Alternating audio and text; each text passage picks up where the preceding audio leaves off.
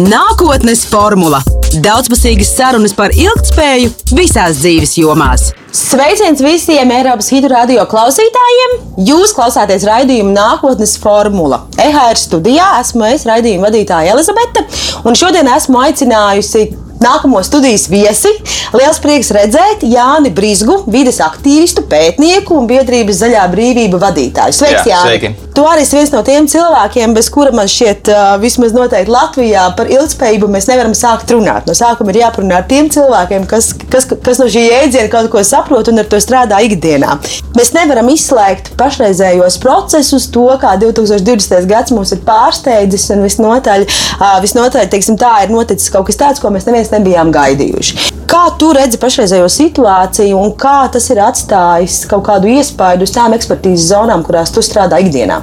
Jā, man liekas, tas uh, Covid radītā pandēmija un visi tie ierobežojumi, ar ko mēs ikdienā sastopamies, uh, pārvietošanās ierobežojumi, arī ekonomiskās aktivitātes samazināšanās, uh, starptautiskie pārlidojumi un viss, kas ir, kas ir apstājies, tas man liekas, mums ļauj paskatīties uz nu, uz kaut kādām lietām bija savādāk. Arī, protams, tas, ka mēs tagad dzīvojam mājās, mēs eh, strādājam no mājām, arī tās attiecības, kas ir starp eh, darba laiku un brīvo laiku, ko mēs vispār kā mēs mākam eh, pavadīt brīvo laiku. Man liekas, ka šie jautājumi nu, cilvēkiem tagad ir iespējas viņiem piebremzēt, apstāties un, un pārdomāt. Tas man liekas, ir ļoti, ļoti pozitīvi, ja mēs runājam par ilgspēju. lai mēs, lai mēs jā, varētu kaut kādā veidā.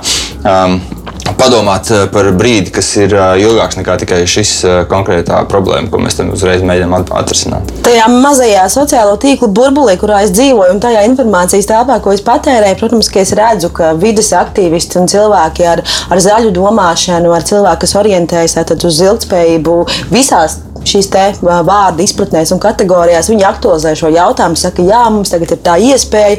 Un vispār jau tie galēji radikāli noskaņotie bieži vien pat saka, jā, tā jums visiem kapitālistiem vajadzēja. Šī patērētāja sabiedrība to bija pelnījusi, māte zeme uz mums ir apvainojusies, un šeit jums vīrus, un, un tagad cīnieties ar to. Jā, un arī ir kaut kādi mērījumi, dati, kas varbūt tās to parāda. Nu, protams, ka slavenie Delfīni Venecijas kanālā nebija, diemžēl, iepeldējuši, bet, nu, kas attiecas uz gaisa kvalitāti un tādām lietām, kaut kas jau ir manīts. Ko tu par to zini un ko tu vari komentēt? Nu, kas ir tas, ko pašlaik zinātnieki novēro? Noteikti ir samazinājās šī ekonomiskā aktivitāte, ceļš transporta aktivitāte, tad ļoti būtiski uzlabojās gaisa kvalitāte un samazinājās arī siltumnīca efekta gāzes emisijas dati, satelīta dati, piemēram, gan no Ķīnas, gan no Itālijas, kas varbūt bija Ķīna pirmā skartā valsts, un Itālija varbūt tāda tuvākā mums, eh, kas arī ļoti būtiski tika um, skarta ar šo vīrusu, un uh, kur transports un pārvietošanās vispār ļoti krasi tika ierobežot. Uh, šajos reģionos no satelīta datiem var redzēt, ka samazinās gaisa piesārņojums. Ja mēs skatāmies šī gada martu, aprīli un pagājušā gada, tad tur ir samazinājums vairāk kā uz pusi. Bet uh, tagad jau es kolēģiem nesen uh, nesen runājām no Ķīnas. Viņi saka, ka viss atgriežas vecajās sliedēs, un neko mēs neesam mācījušies, diemžēl. Un, un ķīnieši mēģina atgriezties tur, kur viņi bija uz to pašu trajektoriju, un visi vēl ārā savus piesārņojušās vecās mašīnas un, un braukā apkārt. Tā kā, nu, šī, protams, ir no vienas puses iespēja novērtēt arī tādus pozitīvos efektus, ko dod šādi, šādi ierobežojumi, un domāt, varbūt kādā veidā mēs varam viņus kaut kā nostiprināt sabiedrībā. Tagad arī Rīgā, piemēram, runā par to, ka velosipēdiņus vajag iz, izbūvēt pagaidu ar cerību, ka viņi paliks uz mūžu. Daudzas pilsētas jau to ir izdarījušas. Nu, daudz lietas, kas, kas notiek. Bet ir, protams, arī tādas.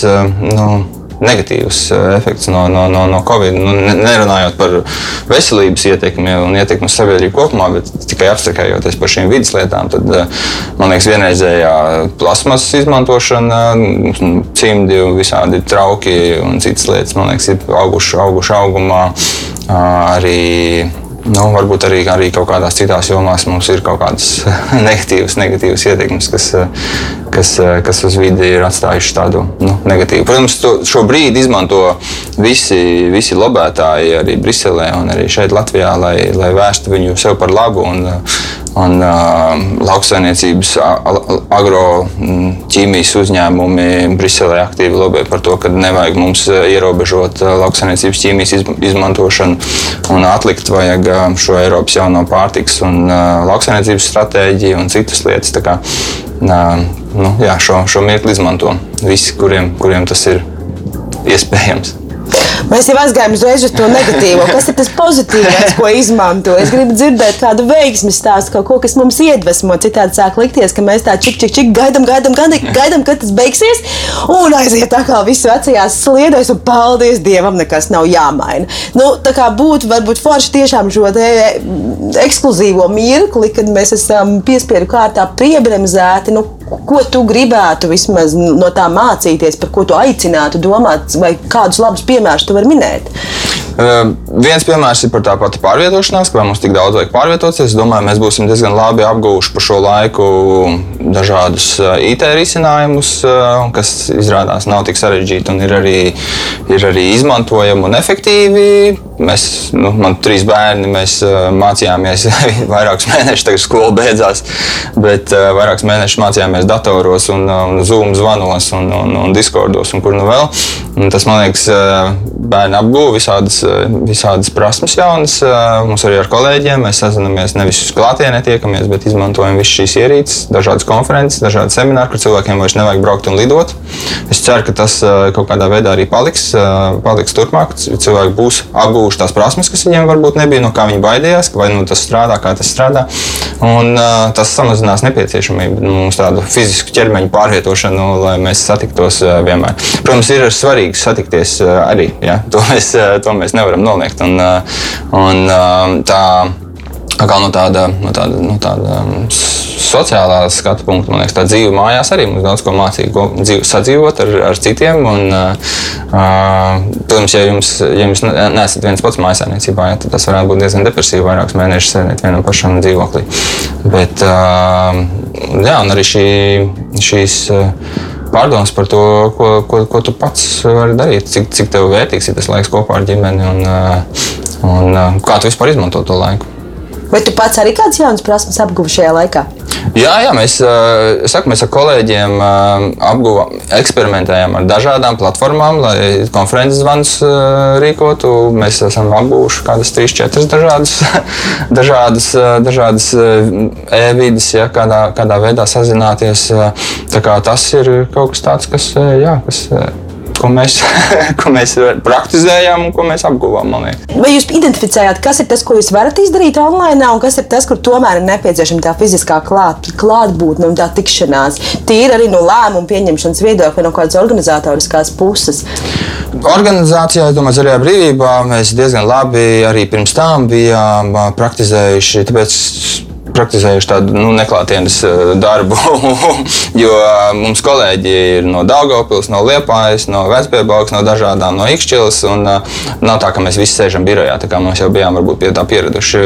Man liekas, lielāks izaicinājums bija maniem skolniekiem, ja, kas, kas viņiem tas mācību process pilnībā mainījās. Un, Man liekas, ka diemžēl izskatās, ka skolas pašlaik vēl nav gatavas apgūt kaut ko jaunu. Un, protams, varat tur rēķināt uzdevumus un vēl kaut ko rēķināt, ko jūs jau zinat, bet kaut ko iemācīties no jauna, man liekas, ir diezgan grūti tādā tīri tikai nu, pašam lasot. Un tad var arī diezgan liela gribas spēka tur šodien, lai tu apzināti mācītos kaut ko jaunu, bioloģijā vai vēl kaut kur. Uh, ja tev īsti nav ar ko pārunāt to visu un konsultēties. Un, uh, protams, arī arī dažādi diskusiju iespējas, ar vien vairāk attīstās dažādi konferenču veidi, dažādi veidi, kā vispār nu, uzstāties un prezentēt. Ir, mēs esam dažādas versijas arī apsprieduši, vai vajag pirms tam lektoram ierunāt runu, publicēt viņu internetā, YouTube, piemēram, tie, kas interesē, tie nolas, noskatās viņu pirms tam. Tad kad, tad, kad ir šis seminārs, tad visi jau ir izlasījuši un runā par tēmu, nevis klausās 40 minūšu garu, garu lekciju. Ja? Tur ir visādas, visādas tādas arī tehniskas iespējas, kas, kas varbūt nu, nedaudz pamaina to arī to mācīšanās procesu. Bet darīt ar to plastmasu? Ar tiem iepakojumiem, tagad ar visiem dezinfekcijas līdzekļiem un visām pārējām lietām mēs no vienas puses esam samazinājuši varbūt savas CO2 emisijas, ja mēs vienkārši fiziski bijām kādu brīdi vispār liekti pārvietoties Jā. no sērijas. Un uh, starptautiskie ceļojumi vēl joprojām ir stipri ierobežoti, bet tā pašā laikā tie ikdienas paradumi, kas ir nākuši vietā, kaut kādā ziņā, man liekas, diezgan kompensē arī to, to, to ekoloģiskās pēdas nospiedumu, ko mēs atstājam. Vai tev ir kaut kādi, kaut kādi risinājumi prātā, vai nu, kā, kā tagad atbildot uz regulējumiem, uz visiem ierobežojumiem, kā mums, kā mums pret to izturēties un ko mums darīt? Nu, jā, vidas organizācijas vispār bija diezgan satrauktas par tiem dažādiem iniciatīvām, kas gan no valdībām nāca, gan arī no atsevišķiem uzņēmumiem, lai nodrošinātos pret vīrusu izplatību, tad visu sapakot un pārpakot un dezinficēt. Nav īsti arī tādu ļoti skaidru pierādījumu, ka tas kaut kādā veidā pasargā vai Jo, jo pats vīrus ilgu laiku nespēja dzīvot uz kaut kādas iepakojuma virsmas, viens pats bez cilvēka. Kā, tas, tie, tie ierobežojumi varbūt nav tik, tik pamatot. Es ceru, viņi arī pamazām izzudīs. Droši vien cilvēki negribēs staigāt plasmas cimdiem rokās. Tas nav baigi ērti un patīkami. Es ceru, ka, tas, tas, ka mēs atgriezīsimies varbūt pie tās pie tā trenda, pie tās, pie tās kustības, kas bija attiecībā uz tādu bez, bez, bez iepakojuma, bez atkritumu dzīvesveidu, kas, protams, joprojām bija tāds marģināls, tā var teikt. Bet man liekas, tieši jauniešu vidū guva tādu, nu, kļuva ar vien populārāks un populārāks. Un, un tās iespējas mums ir, ja mums nav aizliegts. Citās valstīs mēģināja arī aizliegt atkritumu šķirošanu Covid laikā. Tas mums nav. Tad mums Rīgā pat pašlaik ir mainījusies šī apsaimniekošanas sistēma, kuras ceru, ka, nu, novedīs pie tā, ka mums būs lielākas iespējas, tīri tā tehniskās iespējas, visi tie konteineri, kurus šķirot. Tā kā es ceru, ka, tā šķirošana, kaut gan šķirošana, protams, neatrisina visas problēmas. Ja mums arī jādomā, kur to visu likt beigās un ko, ko, ko to sašķirot darīt. Jo līdz šim Man liekas, tas arī ir viens no tādiem efektiem no, no, no Covid, kas, um, kas mums rada tādus jaunus, jaunus izaicinājumus, jautājumus, ko uzdot. Uh, naftas cenas samazinājās ļoti būtiski. Uh, plasmas ražošana ir atkarīga no naftas cenām.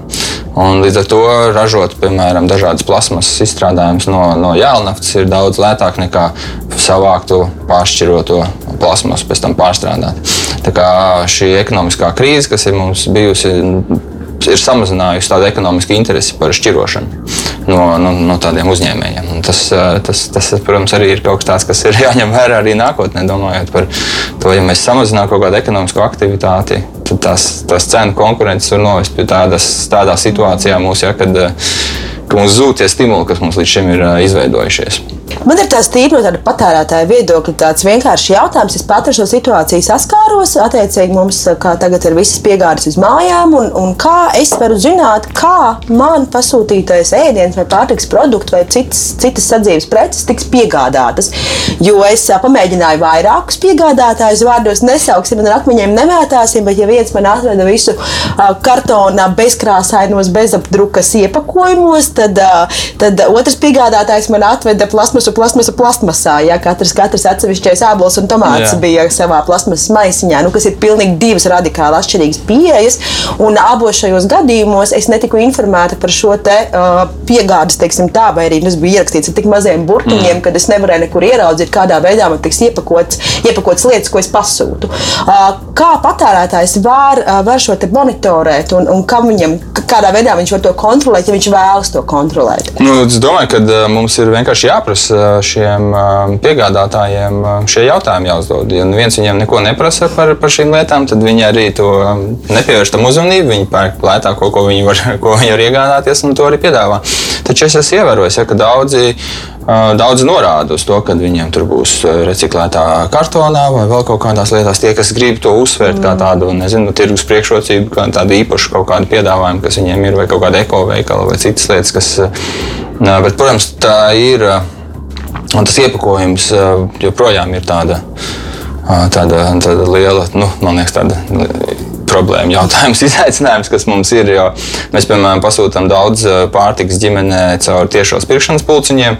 Tur jau arī zemnieki nu, tos burkānus vai kartupeļus. Nu, viņi arī tajos maisiņos, maisiņos liek, kas viņiem tur ir. Un, un, un tad, jā, tad ir man liekas, tās atšķirības starp pilsētniekiem un uh, pilsētniekiem, un, uh, kas, kas, kas grib tās visādas tās pārstrādātās lietas, un, un tad tiem pārējiem. Iepakojums, jā, iepakojumam mēs noteikti vēl veltīsim atsevišķu raidījumu tēmas, jo tā, tā, tā ir sarežģīta lieta, bet man interesē tava starptautiskā darbība. Uh, tu esi viens no tiem cilvēkiem, ka mēs uh, varbūt varētu prasīt, ko nozīmē tie ANO 17 ilgspējīgas attīstības mērķi un kas tas vispār ir.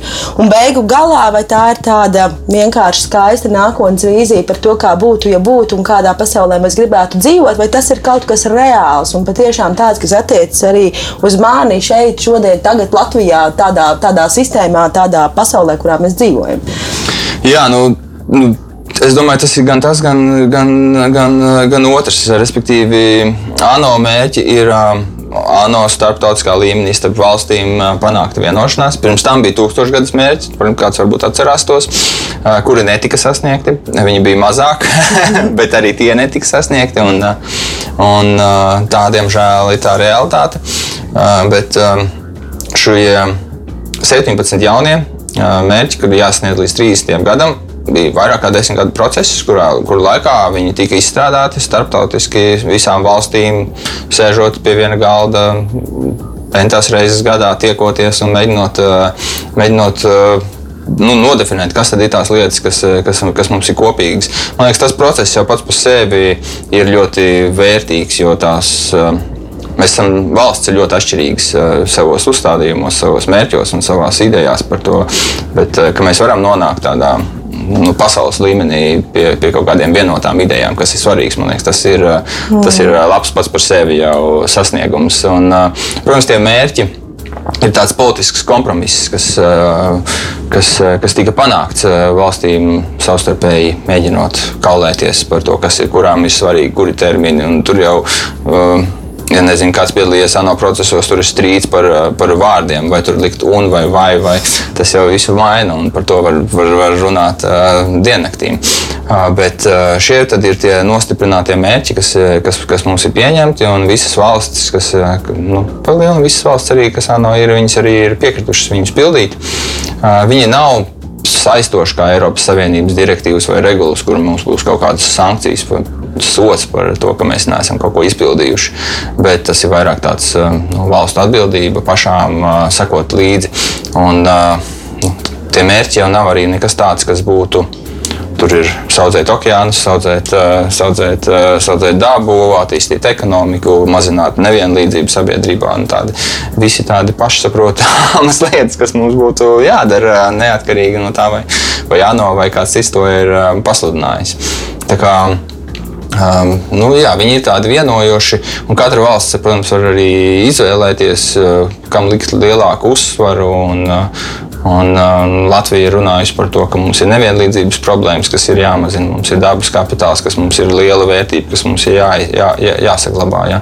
Šis uh, ekonomiskās attīstības jautājums, kas mums ir, uh, ka mēs gribam panākt uh, attīstīto Eiropas Savienības kaimiņu valstu līmeni, tādā materiālā labklājībā. Un tās ir tās lietas, ko Latvija ir uzsvērusi kā tādus savus, uh, mm. savus virzienus, uz kurieni, uz kurieni iet. Un, uh, No vienas puses, tā ir, varētu izskatīties tāda atrunāšanās, atskaitīšanās ANO līmenī. Kā mēs parasti šīs, šīs atskaites ir tādi tāda turisma prospekti, cik mums ir labi un cik mums ir skaisti, cik mēs esam visu izdarījuši. Tāda kritiska novērtējuma ir maz. Bet nu, es domāju, tas process ir svarīgs šajā ziņā. Ne tik daudz tie, tās, tās atskaites, ko valsts sniedz. Vai nerada riskus tas, ka šie mērķi pēc savas būtības nav izmērāmi un sasniedzami? Nu, kā saka, mums nav kaut kāds konkrēts deadline, kurā mēs varam to izpētīt, un, un, un, un izprast un, un izdarīt. Jo tas, kas man liekas ļoti motivē cilvēkus, ir tomēr šī konkrētība. Kad es zinu, ka man ir tik un tik laika, tādi un tādi soļi, un tad es varu to izdarīt. Kā tu redzi šo, te, šo te korelāciju starp šo vispārējo labumu, ko šie mērķi vēlas sasniegt, varbūt to realitāti un to vajadzību, kā to taktiku reāli izstrādāt? Mm. Nu, tas katrai valstī tā taktika jāizstrādā savos nacionālās attīstības plānošanas dokumentos vai tematiskajos. Latvijā ir pārsvaru koordinācijas centrs, kuram ir jāseko līdzi, lai visas tās nozaru politikas saskanētu ar tiem augstākajiem mērķiem, tiem pašiem ANO ilgspējīgas attīstības mērķiem, Latvijas ilgspējīgas attīstības stratēģiju, un kas ir, kas ir tādi ilgtermiņa skatījums uz, uz to, uz kuriem mēs virzamies. Tas būtu viņu uzdevums koordinēt to, lai, lai tad, nezinu, lauksainiecības politika, citas politikas atbilstu tam, tam lielākam ilgtermiņa mērķim. Bet nav galīgi tā, ka šos ilgspējīgas attīstības mērķus nevar nevar mērīt.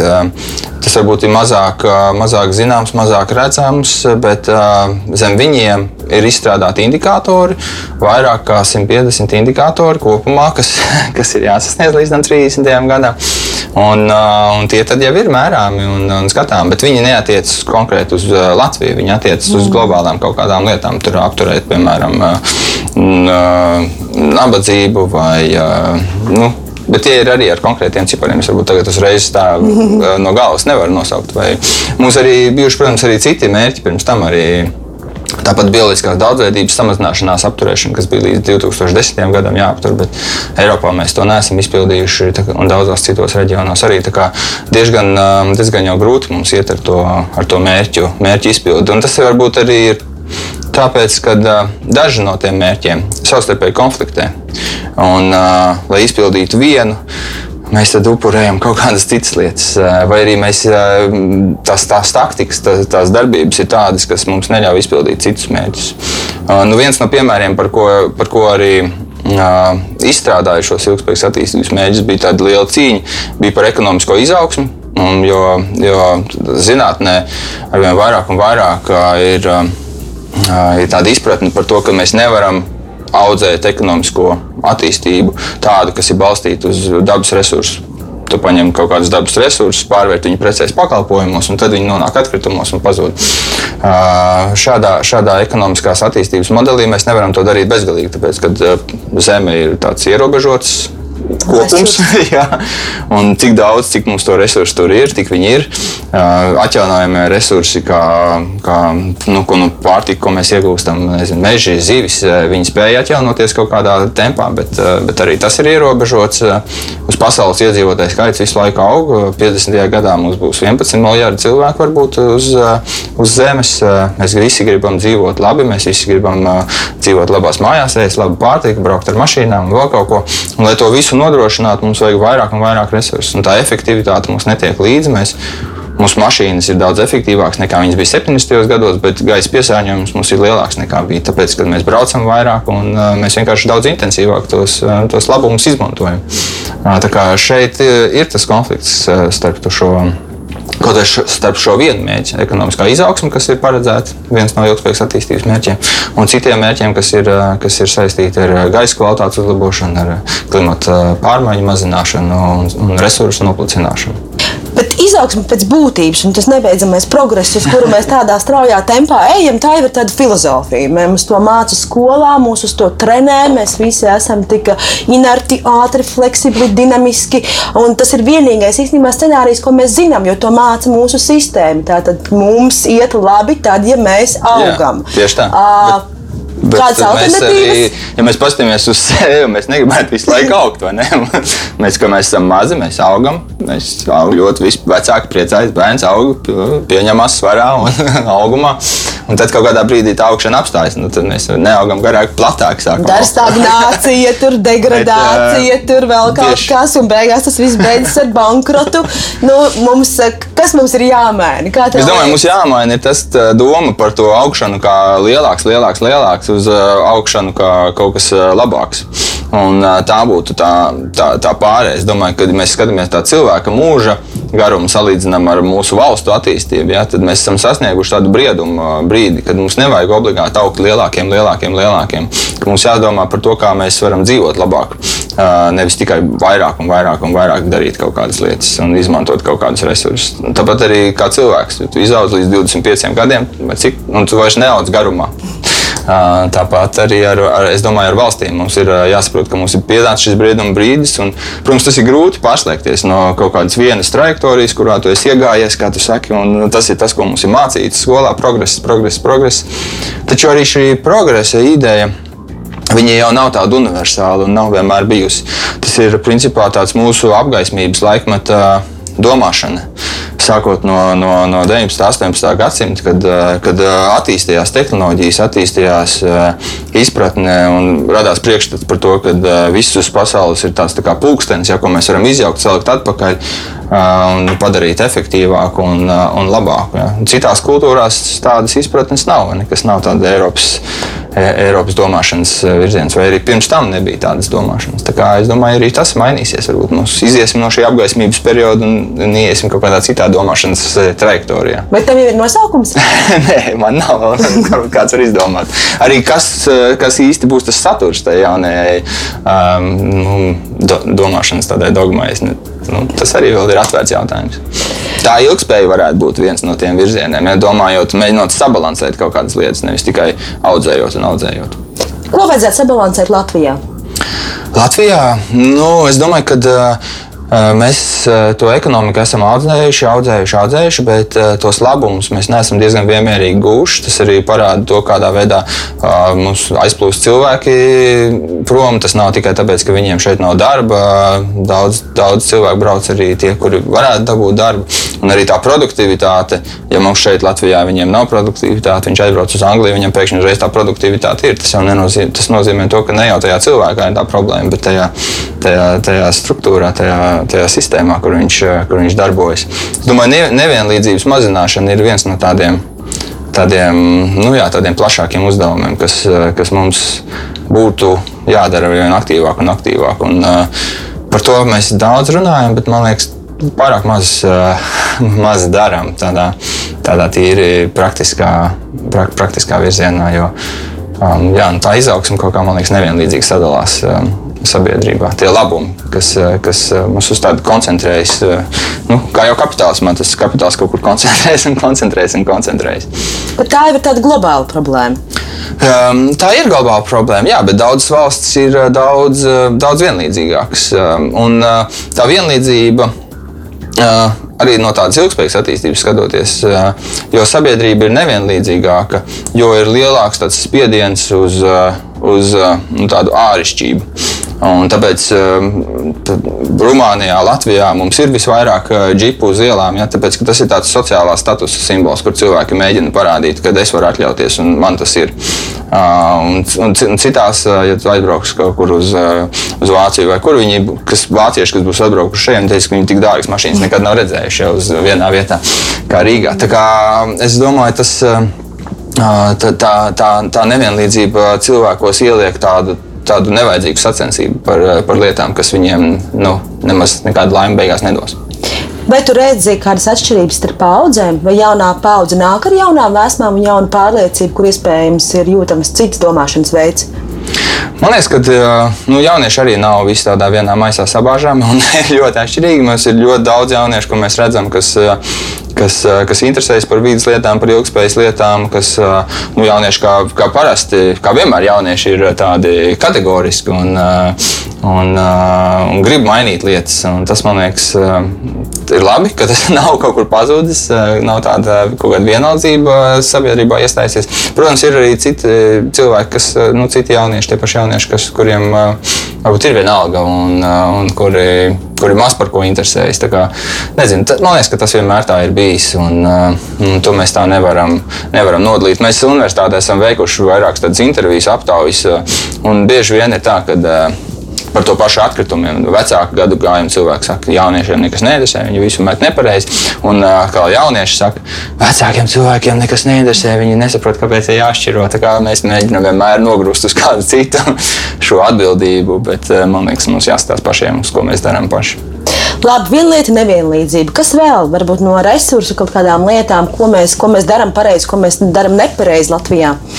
Nu, jā, arī attiecībā uz, uz to, kā mēs, kā mēs redzam šo nu, dabas vērtības, kas, kas, kas mums ir, mēs viņus tā apskatām kā tādu, kā tādu īpašumu, ko mēs, ko mēs nu, nezinu, tos pašus mežus vai citas lietas, ko mēs varam vienkārši paņemt un, uh, un, uh, un izmantot, uh, nesaprotot, varbūt, vai negribot iedziļināties tajā, ka šīs dabas vērtības veido tādu ļoti plašu tīklu, kas ir ļoti savstarpēji cieši saistīts. Ja mēs nocirtīsim to, to, to mežu vienā vietā, tas ietekmēs ūdens resursu plūsmas, gaisa kvalitātes problēmas, var rasties un viss kaut kas tam līdzīgs. Tā kā, mēs neskatāmies uz šiem jautājumiem caur, caur tādu sarežģītu tīklu, bet mēģinām to visu ļoti vienkāršot un bieži vien vienkāršot līdz uh, naudas vērtībai, uh, kas, uh, kas ir ļoti, man liekas, tāds šaurs, šaurs skatījums. Un, uh, ja paskatās, uh, Sājumas ilgspējas attīstības komisijas darbu, piemēram, tad,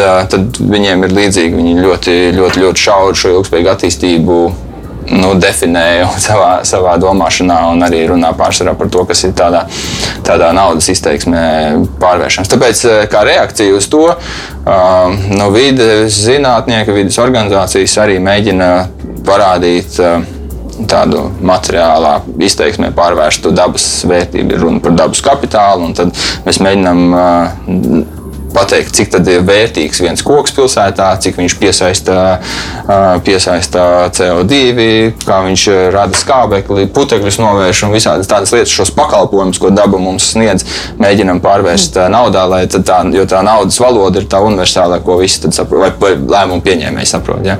Tas, nu, jā, tas kā tāda atbilde varbūt ir uz, uz šo dominējošo, nu jā, to vienkāršo to izpratni par, par, par attīstību.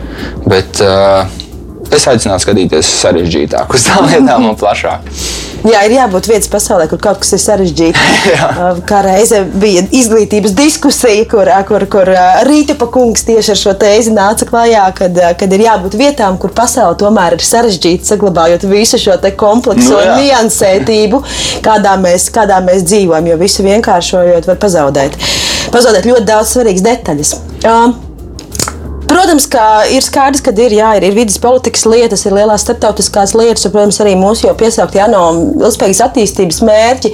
Bet, uh, tavs var būt arī kaut, kāds, kaut kādas vadlīnijas, ko tad darīt eh, ikdienā cilvēkiem. Ok, mēs esam tur visi padomājuši, jau vismaz dzirdējuši, mums vismaz ir kaut kāda vainas sajūta par to, ka mēs nešķirojam atkritumus, vai arī mēs vismaz nedaudz, bet pārdzīvojam par, plast, par plastmasu, un arvien biežāk mēs redzam vairākas reizes izmantojam jās mm. termokrūzes un ūdens pudeles un tādas lietas.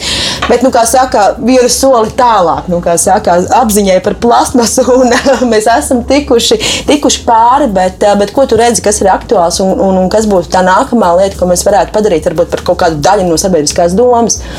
Mēs kā sabiedrība ļoti labi reaģējam uz visu to, ko mēs, ko mēs redzam, nekārtību kaut kādu apkārt. Jā. Atkritumi ir viens no tiem piemēriem. Ja tas lietas mētājas kaut kur netur, tad tas ir tas, uz ko mēs reaģējam ļoti labi. Un, un atkritumu šķirošana, atkritumu problēmas visās Eirobarometra aptaujās, citās aptaujās par vidas tēmām Latvija vienmēr tur ir topā. Atkritumi ir viena no galvenajām tēmām. Un, un tas, man liekas, nezinu, varbūt tas izglītošanas procesā kaut kā ir iekodēts. Mēs nevienmēr nu, darām visas tās lietas, tur šķirojam vēl kaut ko, bet mēs zinām tās problēmas un uh, jūtamies slikti, kā tas sāki par, par to, ja mēs kaut ko pareizi nedarām.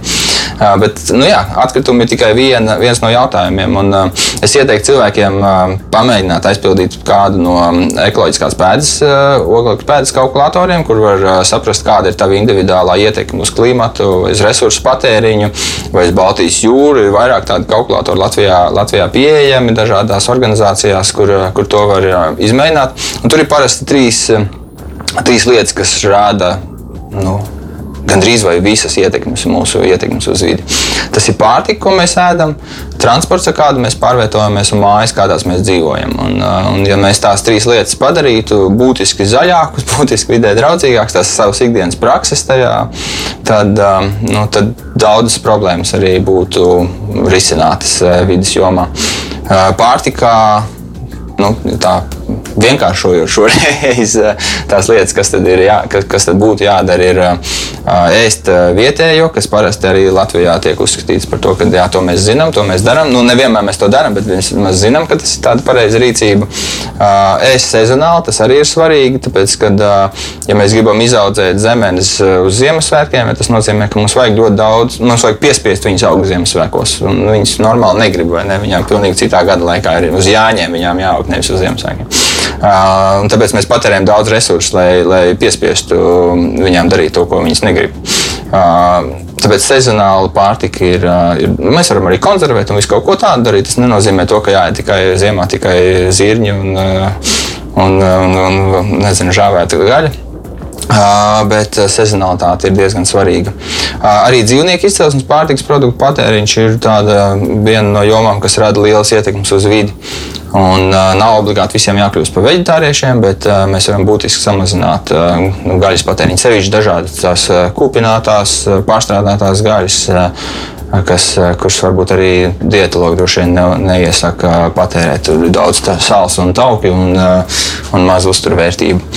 Un vēl viena lieta ir bioloģiskā pārtika, ko, ko mums būtu jāpatērē vairāk un vairāk. Un Latvijā ir ļoti daudz bioloģisko zemnieku. Latvijā ir šie tiešās pirkšanas pulciņi, kas ļauj mums arī nu, lētāk iegādāties šo bioloģisko pārtiku. Tur mums ir visas iespējas, tur varbūt vairāk vajag gribēšanu, darīšanu. Un šī ir tā joma, kur kas gan arī pilnībā sakrīt ar to, ko mums dietologi teiks, kā, kā, kā mums ir jāēd. Tas nav kaut kas tāds, kur rodas kaut kādi nu, konflikti ar, mm. ar, citām, ar citām nozarēm, kur, ja jūs ēdat zaļu, ja, tad jūs būsiet pakļausiet sev vai kādu citu kaut kādām, kaut kādām problēmām. Tā, kā tā, tā ir viena lieta, varbūt, par ko vidas jomā mazāk runā. Bieži vien runā par atkritumiem vai par, par mājas siltināšanu, bet pārtika varbūt ir tā, kas ir mazāk, mazāk dzirdēta tieši no vidas, no vidas aizsardzības puses. Mājoklis mums mēs da, resursu daudzums, ko mēs izmantojam uh, savā mājās. Lielākā problēma ir uh, enerģija, ko mēs pārsvarā izmantojam fosilo enerģiju, kas ir uh, nafta, ogles, uh, dabas gāzē. Un, uh, un tas, tas rada klimata pārmaiņas, un gaisa piesārņojumu un tam līdzīgi.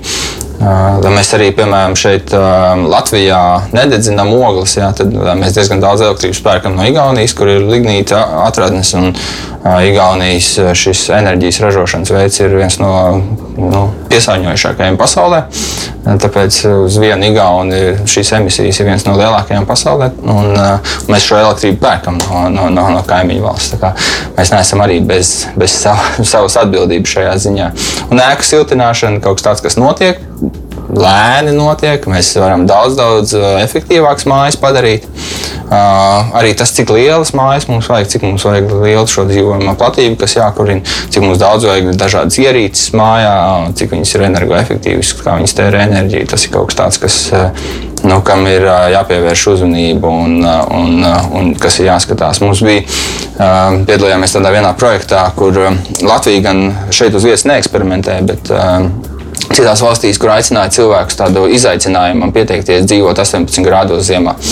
Un, uh, tas ir arī veids, nav obligāti, ja jūs nevarat. Uh, nosiltināt daudzos gadījumos. Jūs cities arī iespējas samazināt temperatūru, ja, kas ir nu, tāda cīņa ar komfortu bieži vien. Jo, nu, tas arī katram cilvēkam ir savādāk izpratne un tīri tāda fizioloģiskā sajūta par to, kas ir silts un augsts. Mm. Tas parāda arī to mūsu atšķirības. Vienam tas ir ok, mums ir labi, mums ir komfortabli 18 grādos, citam tas ir neizturams, nepanesams brīdis. Kā, es domāju, mums jādod arī iespēja tāda elastības kaut kāda iespēja. Viens negrib ēst gaļu, viens grib siltākā mājā dzīvot. Mums vajag arī mēģināt variēt šīs lietas un mēģināt sabalansēt starp, nu, starp dažādām lietām. Un trešais ir transports.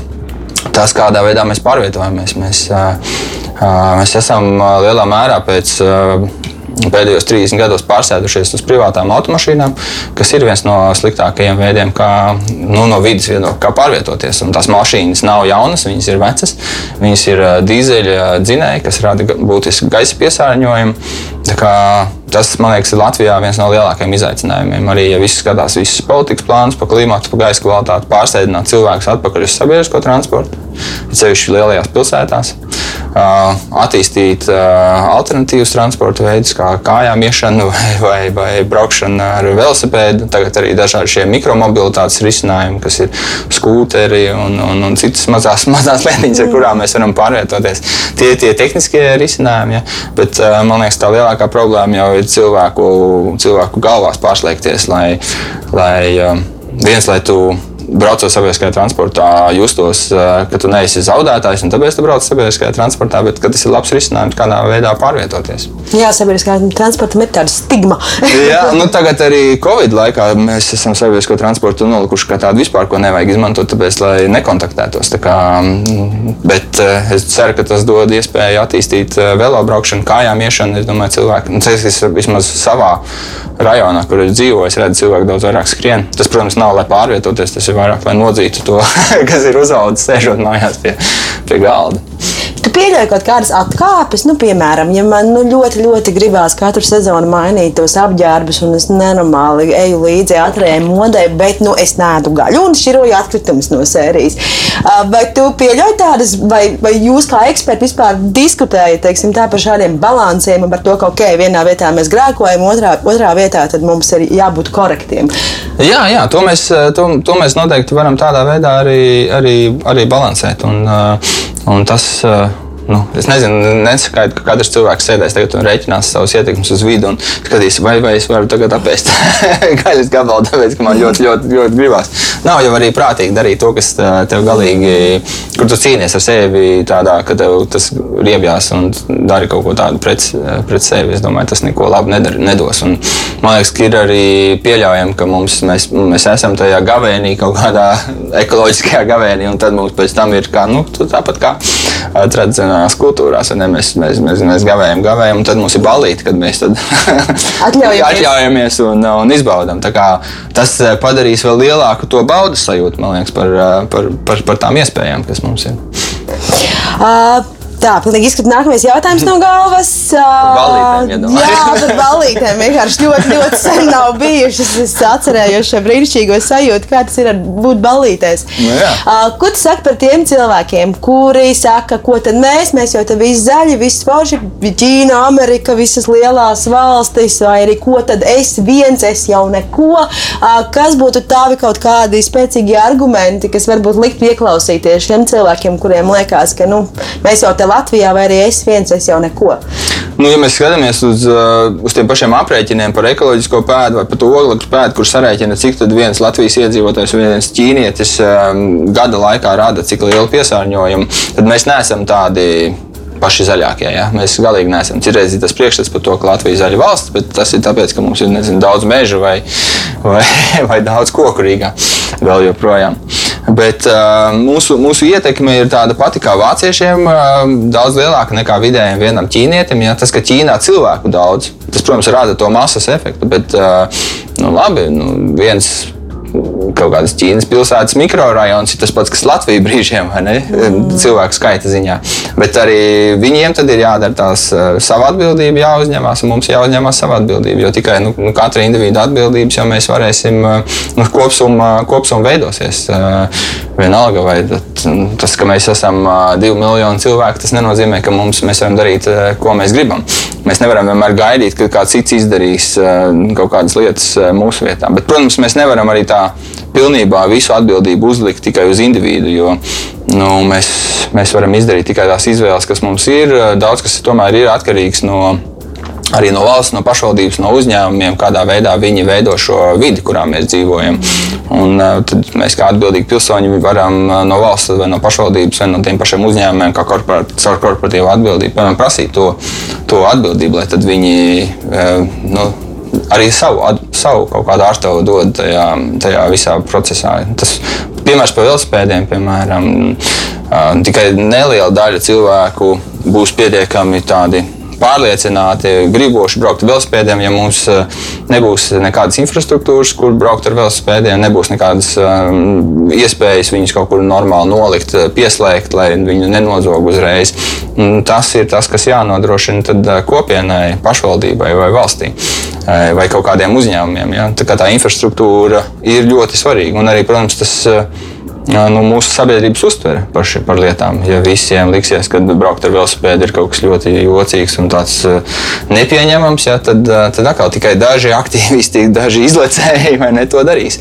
Un, ja visa sabiedrība uztvers to kā tādu normālu, normālu procesu, tad tad būs daudz vieglāk pies, pie, pievienoties. Un, kā nezinu, Dānijā vai Nīderlandē visi brauc ar velospēdiem, nav nekāda jautājuma nerodas par to, kāpēc es pēkšņi braucu ar velospēdu. Ja tu aizbrauc uz Dāniju, nu, visdrīzāk tu brauks ar velospēdu, tāpēc tas ir tas ierastais process, kas tur notiek.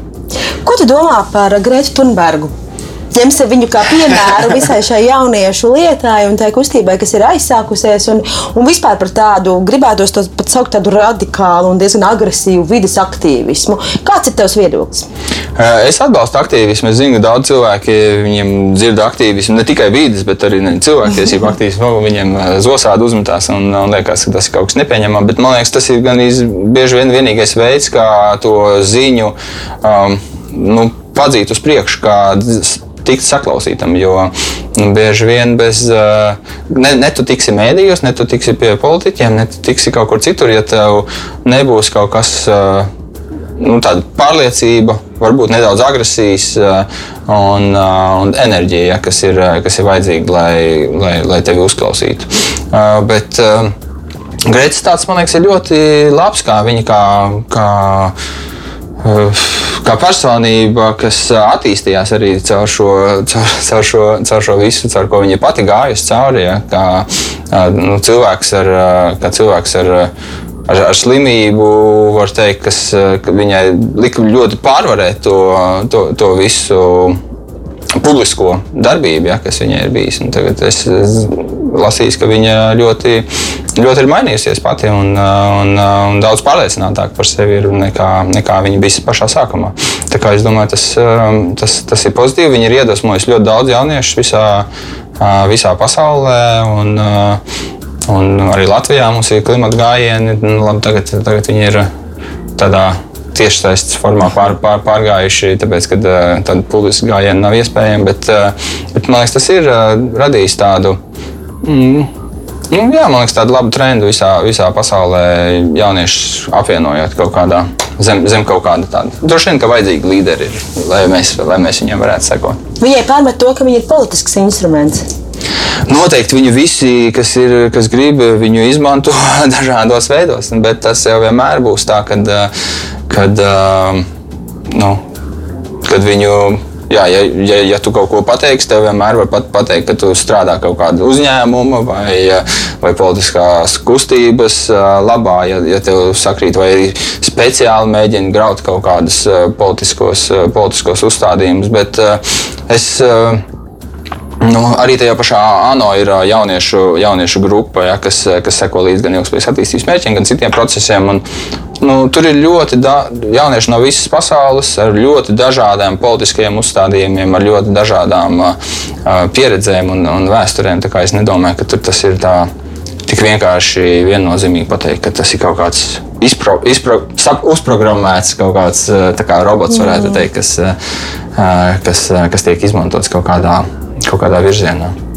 Mēs atgriezāmies pie tiem lielajiem galdiem. Tu minēji par to lobby, kas nāk no tradicionālām industrijām, no tradicionālās uzņēmējdarbības, kas raksturo tādu industriālo sabiedrību. Mm. Kas ir tie, kas tur cīnās par tām vidas lietām, vai tās ir tādas biedrības kā, kā tu, vai tie ir kaut kādi nopietnāki spēki, vai tie vispār ir konkurētspējīgi spēki, ja mēs runājam par, par iespējams tām dažām kompānijām un tiem dažiem cilvēkiem, kam pieder lielākā daļa pasaules naudas?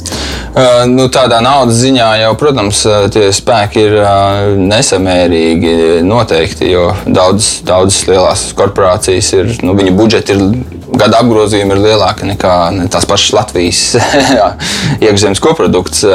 Tā, tā ekonomiskā spēja piesaistīt konsultācijas un visu kaut ko ir milzīga. Bet mēs sadarbojamies ar vairākām, vairākiem tādiem vidas organizāciju tīkliem, kur mēs esam biedri. Viens ir Eiropas vidas birojs, kas ir ļoti plaša organizācija, kas strādā ar visiem iespējamiem jautājumiem - lauksainiecība, produktu drošība, viss iespējamais, kas ir saistībā ar vidi. Otrs Otrs ir uh, Climate Action Network, kas ir uh, specifiska organizācija tīkls, kas strādā tieši ar klimatu jautājumiem, nu, arī enerģijas un gaisa piesārņojumu saistītiem jautājumiem. Uh, vēl mēs esam biedri tādā organizācijā kā Bankwatch Network, kas uzrauga Eiropas fondu. Sākumā tas sākās ar uh, Austrum Eiropas valstu uh, organizācijām, kas uzraudzīja Pasaules bankas un uh, tādas uh, banku investīcijas reģionā, bet tagad pārstrādā par Eiropas fondu naudu uzraudzību. Tā kā ir, uh, ir vairāk šī organizācija tīkli, kas, kas savstarpēji sadarbojas, koordinējas, lai, lai šos nu, vidas jautājumus kaut kādā veidā aktualizētu un, un nostiprinātu arī Briseles līmenī. Arī ANO līmenī, protams, ir līdzīgi, līdzīgi procesi. Bet, Nu, man liekas, diezgan pozitīvi. Tie pēdējie vismaz, izteicieni no Briseles, kas ir nākuši no, no, no politiķiem par šo zaļo vienošanos, kas netiek pazaudēta tagad Covid pandēmijas dēļ. Un, un jaunās stratēģijas, kas nāk, izskatās, ka tas, tas vidas, vidas tēma nepazūd. Un arī no Latvijas ar vien vairāk un vairāk pēdējo, pēdējā gada laikā var dzirdēt par to, ka mēs arī uzņemamies atbildību par klimatu pārmaiņām. Mēs esam iestājušies to ambiciozo valstu grupā, kas prasa augstākus klimata mērķus visā Eiropā. Kā, man ir tāds pozitīvs noskaņojums pašlaik. Mums ir desmit gadi vai nedaudz vairāk? Nē, es domāju, ka mēs jau esam iztērējuši lielāko daļu no tiem gadiem, kas mums bija.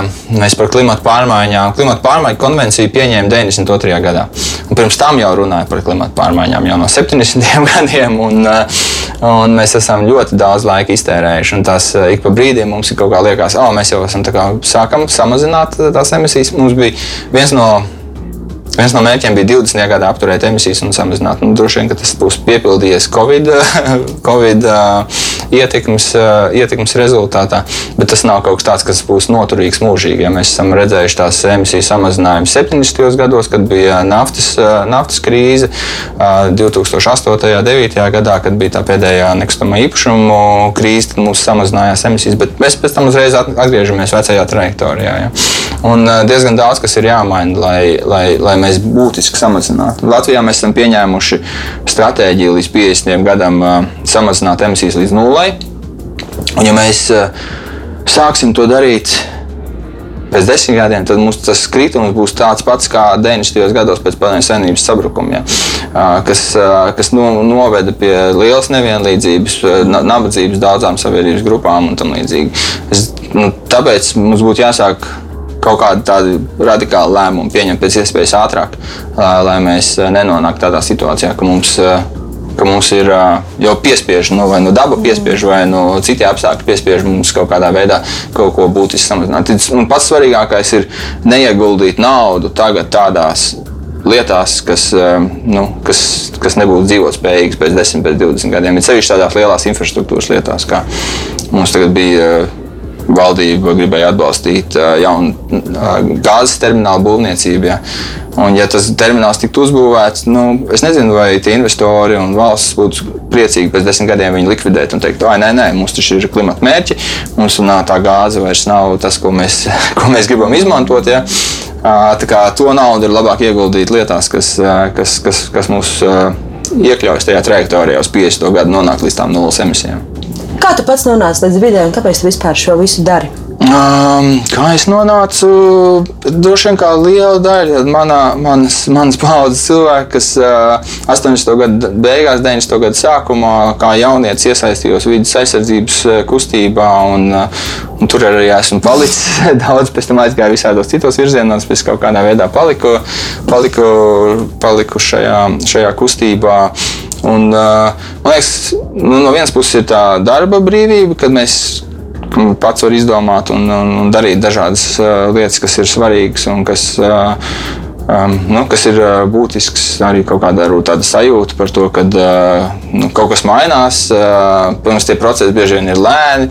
Mēs 20 gadus runājām par eh, depozītu sistēmas ieviešanu dzērienu iepakojumam, un nu, tagad, pēc 20 gadiem, mēs tos augļus varbūt, vai pēc pāris gadiem plūksim. Kad uh, pagājušā gadā tika pieņemts lēmums nu, sa saimā, ja, kad mums tiešām tāda sistēma ir vajadzīga. Tā bieži vien tas ir tāds, uh, ka tu neredzi, vai kaut kādas izmaiņas vispār būs vai nebūs. Un liekas, kāpēc tas ir jādara. Bet ir arī tādi pozitīvi piemēri. vai uh, vidas uh, aktīvisms ir dzīves stils?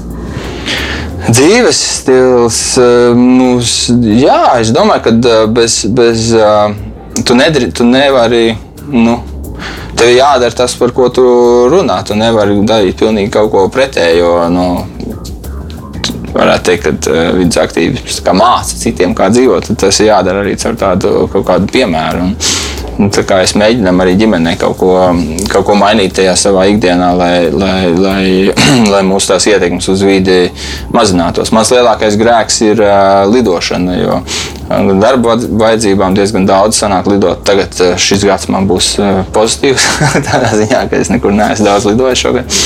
Un uh, visdrīzāk arī nelidošu, bet uh, Jā, tā, tā mēs, mēs mēģinām gan attiecībā uz, uz transportu, kā mēs pārvietojamies, gan, gan to, ko mēs ēdam gan kādu, ko, ko, ko mēs mājās darām. Bet, nu, kā jau teicu, nevienmēr mēs, mēs nu, bieži vien tie, tās izvēles ir tādas ierobežotas tajā. Cik tad mums ir līdzekļi, cik mums ir, kas mums vispār ir pieejams, no kā mēs varam izvēlēties. Jā, kā bieži vien jā, ir jāizlemj, jāizlemj par labu vienam vai otram risinājumam. Vai tev moka dažkārt kāda vainas apziņa par to, ko tu dari nepareizi? Tā privāti, tu domā? Mm -hmm.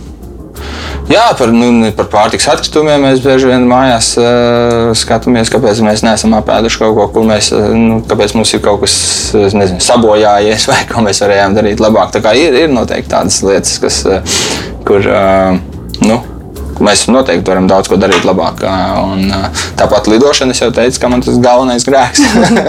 sāp sirds. Sāp, Bet ko sāp, darīt sāp. tiem, kam tik ļoti gribas ceļot un gribas to pasauli redzēt klātienē? Jo, protams, ka nu, mēs jau varam runāt par to, ka es nezinu, virtuālās realitātes pieredze vai, vai, vai, vai dokumentālais kino vai vēl zinu, kas mums var aizstāt kaut kādas lietas.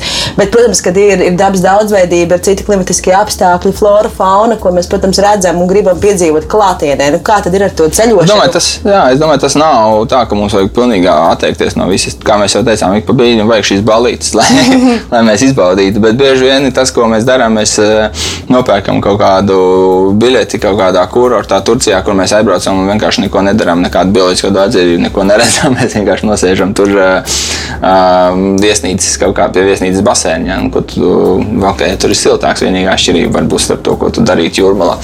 Mm. Man liekas, ka daudz no tā, no tā paša turisma, lielākā masa jau no šīm aktivitātēm ir tāda, kas, kas nerada nekādu milzīgu pievienoto vērtību ne mums pašiem, ne, ne, ne sabiedrībai kopumā. Noslēdzot mūsu raidījumu, tiem cilvēkiem, kam šie jautājumi ir svarīgi. Kas ir tas, ko tavuprāt cilvēks var darīt, ja no akurāt viņš nevēlas kļūt par šī jautājuma ekspertu vai iesaistīties kādā nevalstiskajā organizācijā un ļoti proaktīvi sludināt, pētīt un, un, un sadarboties, bet nu, tāda ikdienas cilvēka skatu punkta. Kas ir tas, ko tu ieteiktu darīt? Nu, noteikti nevajadzētu ignorēt visus šīs, šos, šos jautājumus, bet kaut kā atbildīgi, atbildīgi skatīties, padomāt arī to, ko katrs no mums varbūt pa, pa, sākt ar kaut kādām pāris lietām ko mēs varam mainīt savā ikdienā. To, Es jau teicu par šiem kalkulatoriem, kas, kas ir iespējami, kur var atbildēt uz, uz jautājumiem.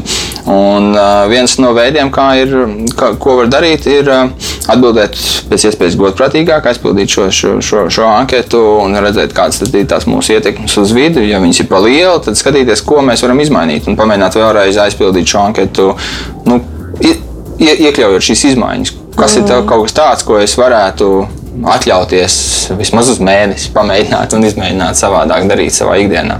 Uh, un tad skatīties, vai tas uh, rada kaut kādu samazinājumu un pamēģināt tiešām kaut ko, kaut ko mainīt savā ikdienā. Bet, uh, bet arī es aicinātu tomēr cilvēks arī būt tā nu, sabiedriski aktīviem un, un uzrunāt gan, gan uzņēmējus, gan, gan pašvaldības, gan valsts, valsts ierēģņus, lai, lai šis zaļums nu, tā augtu plašumā, ne tikai jā, katram mūsu māja, mājās.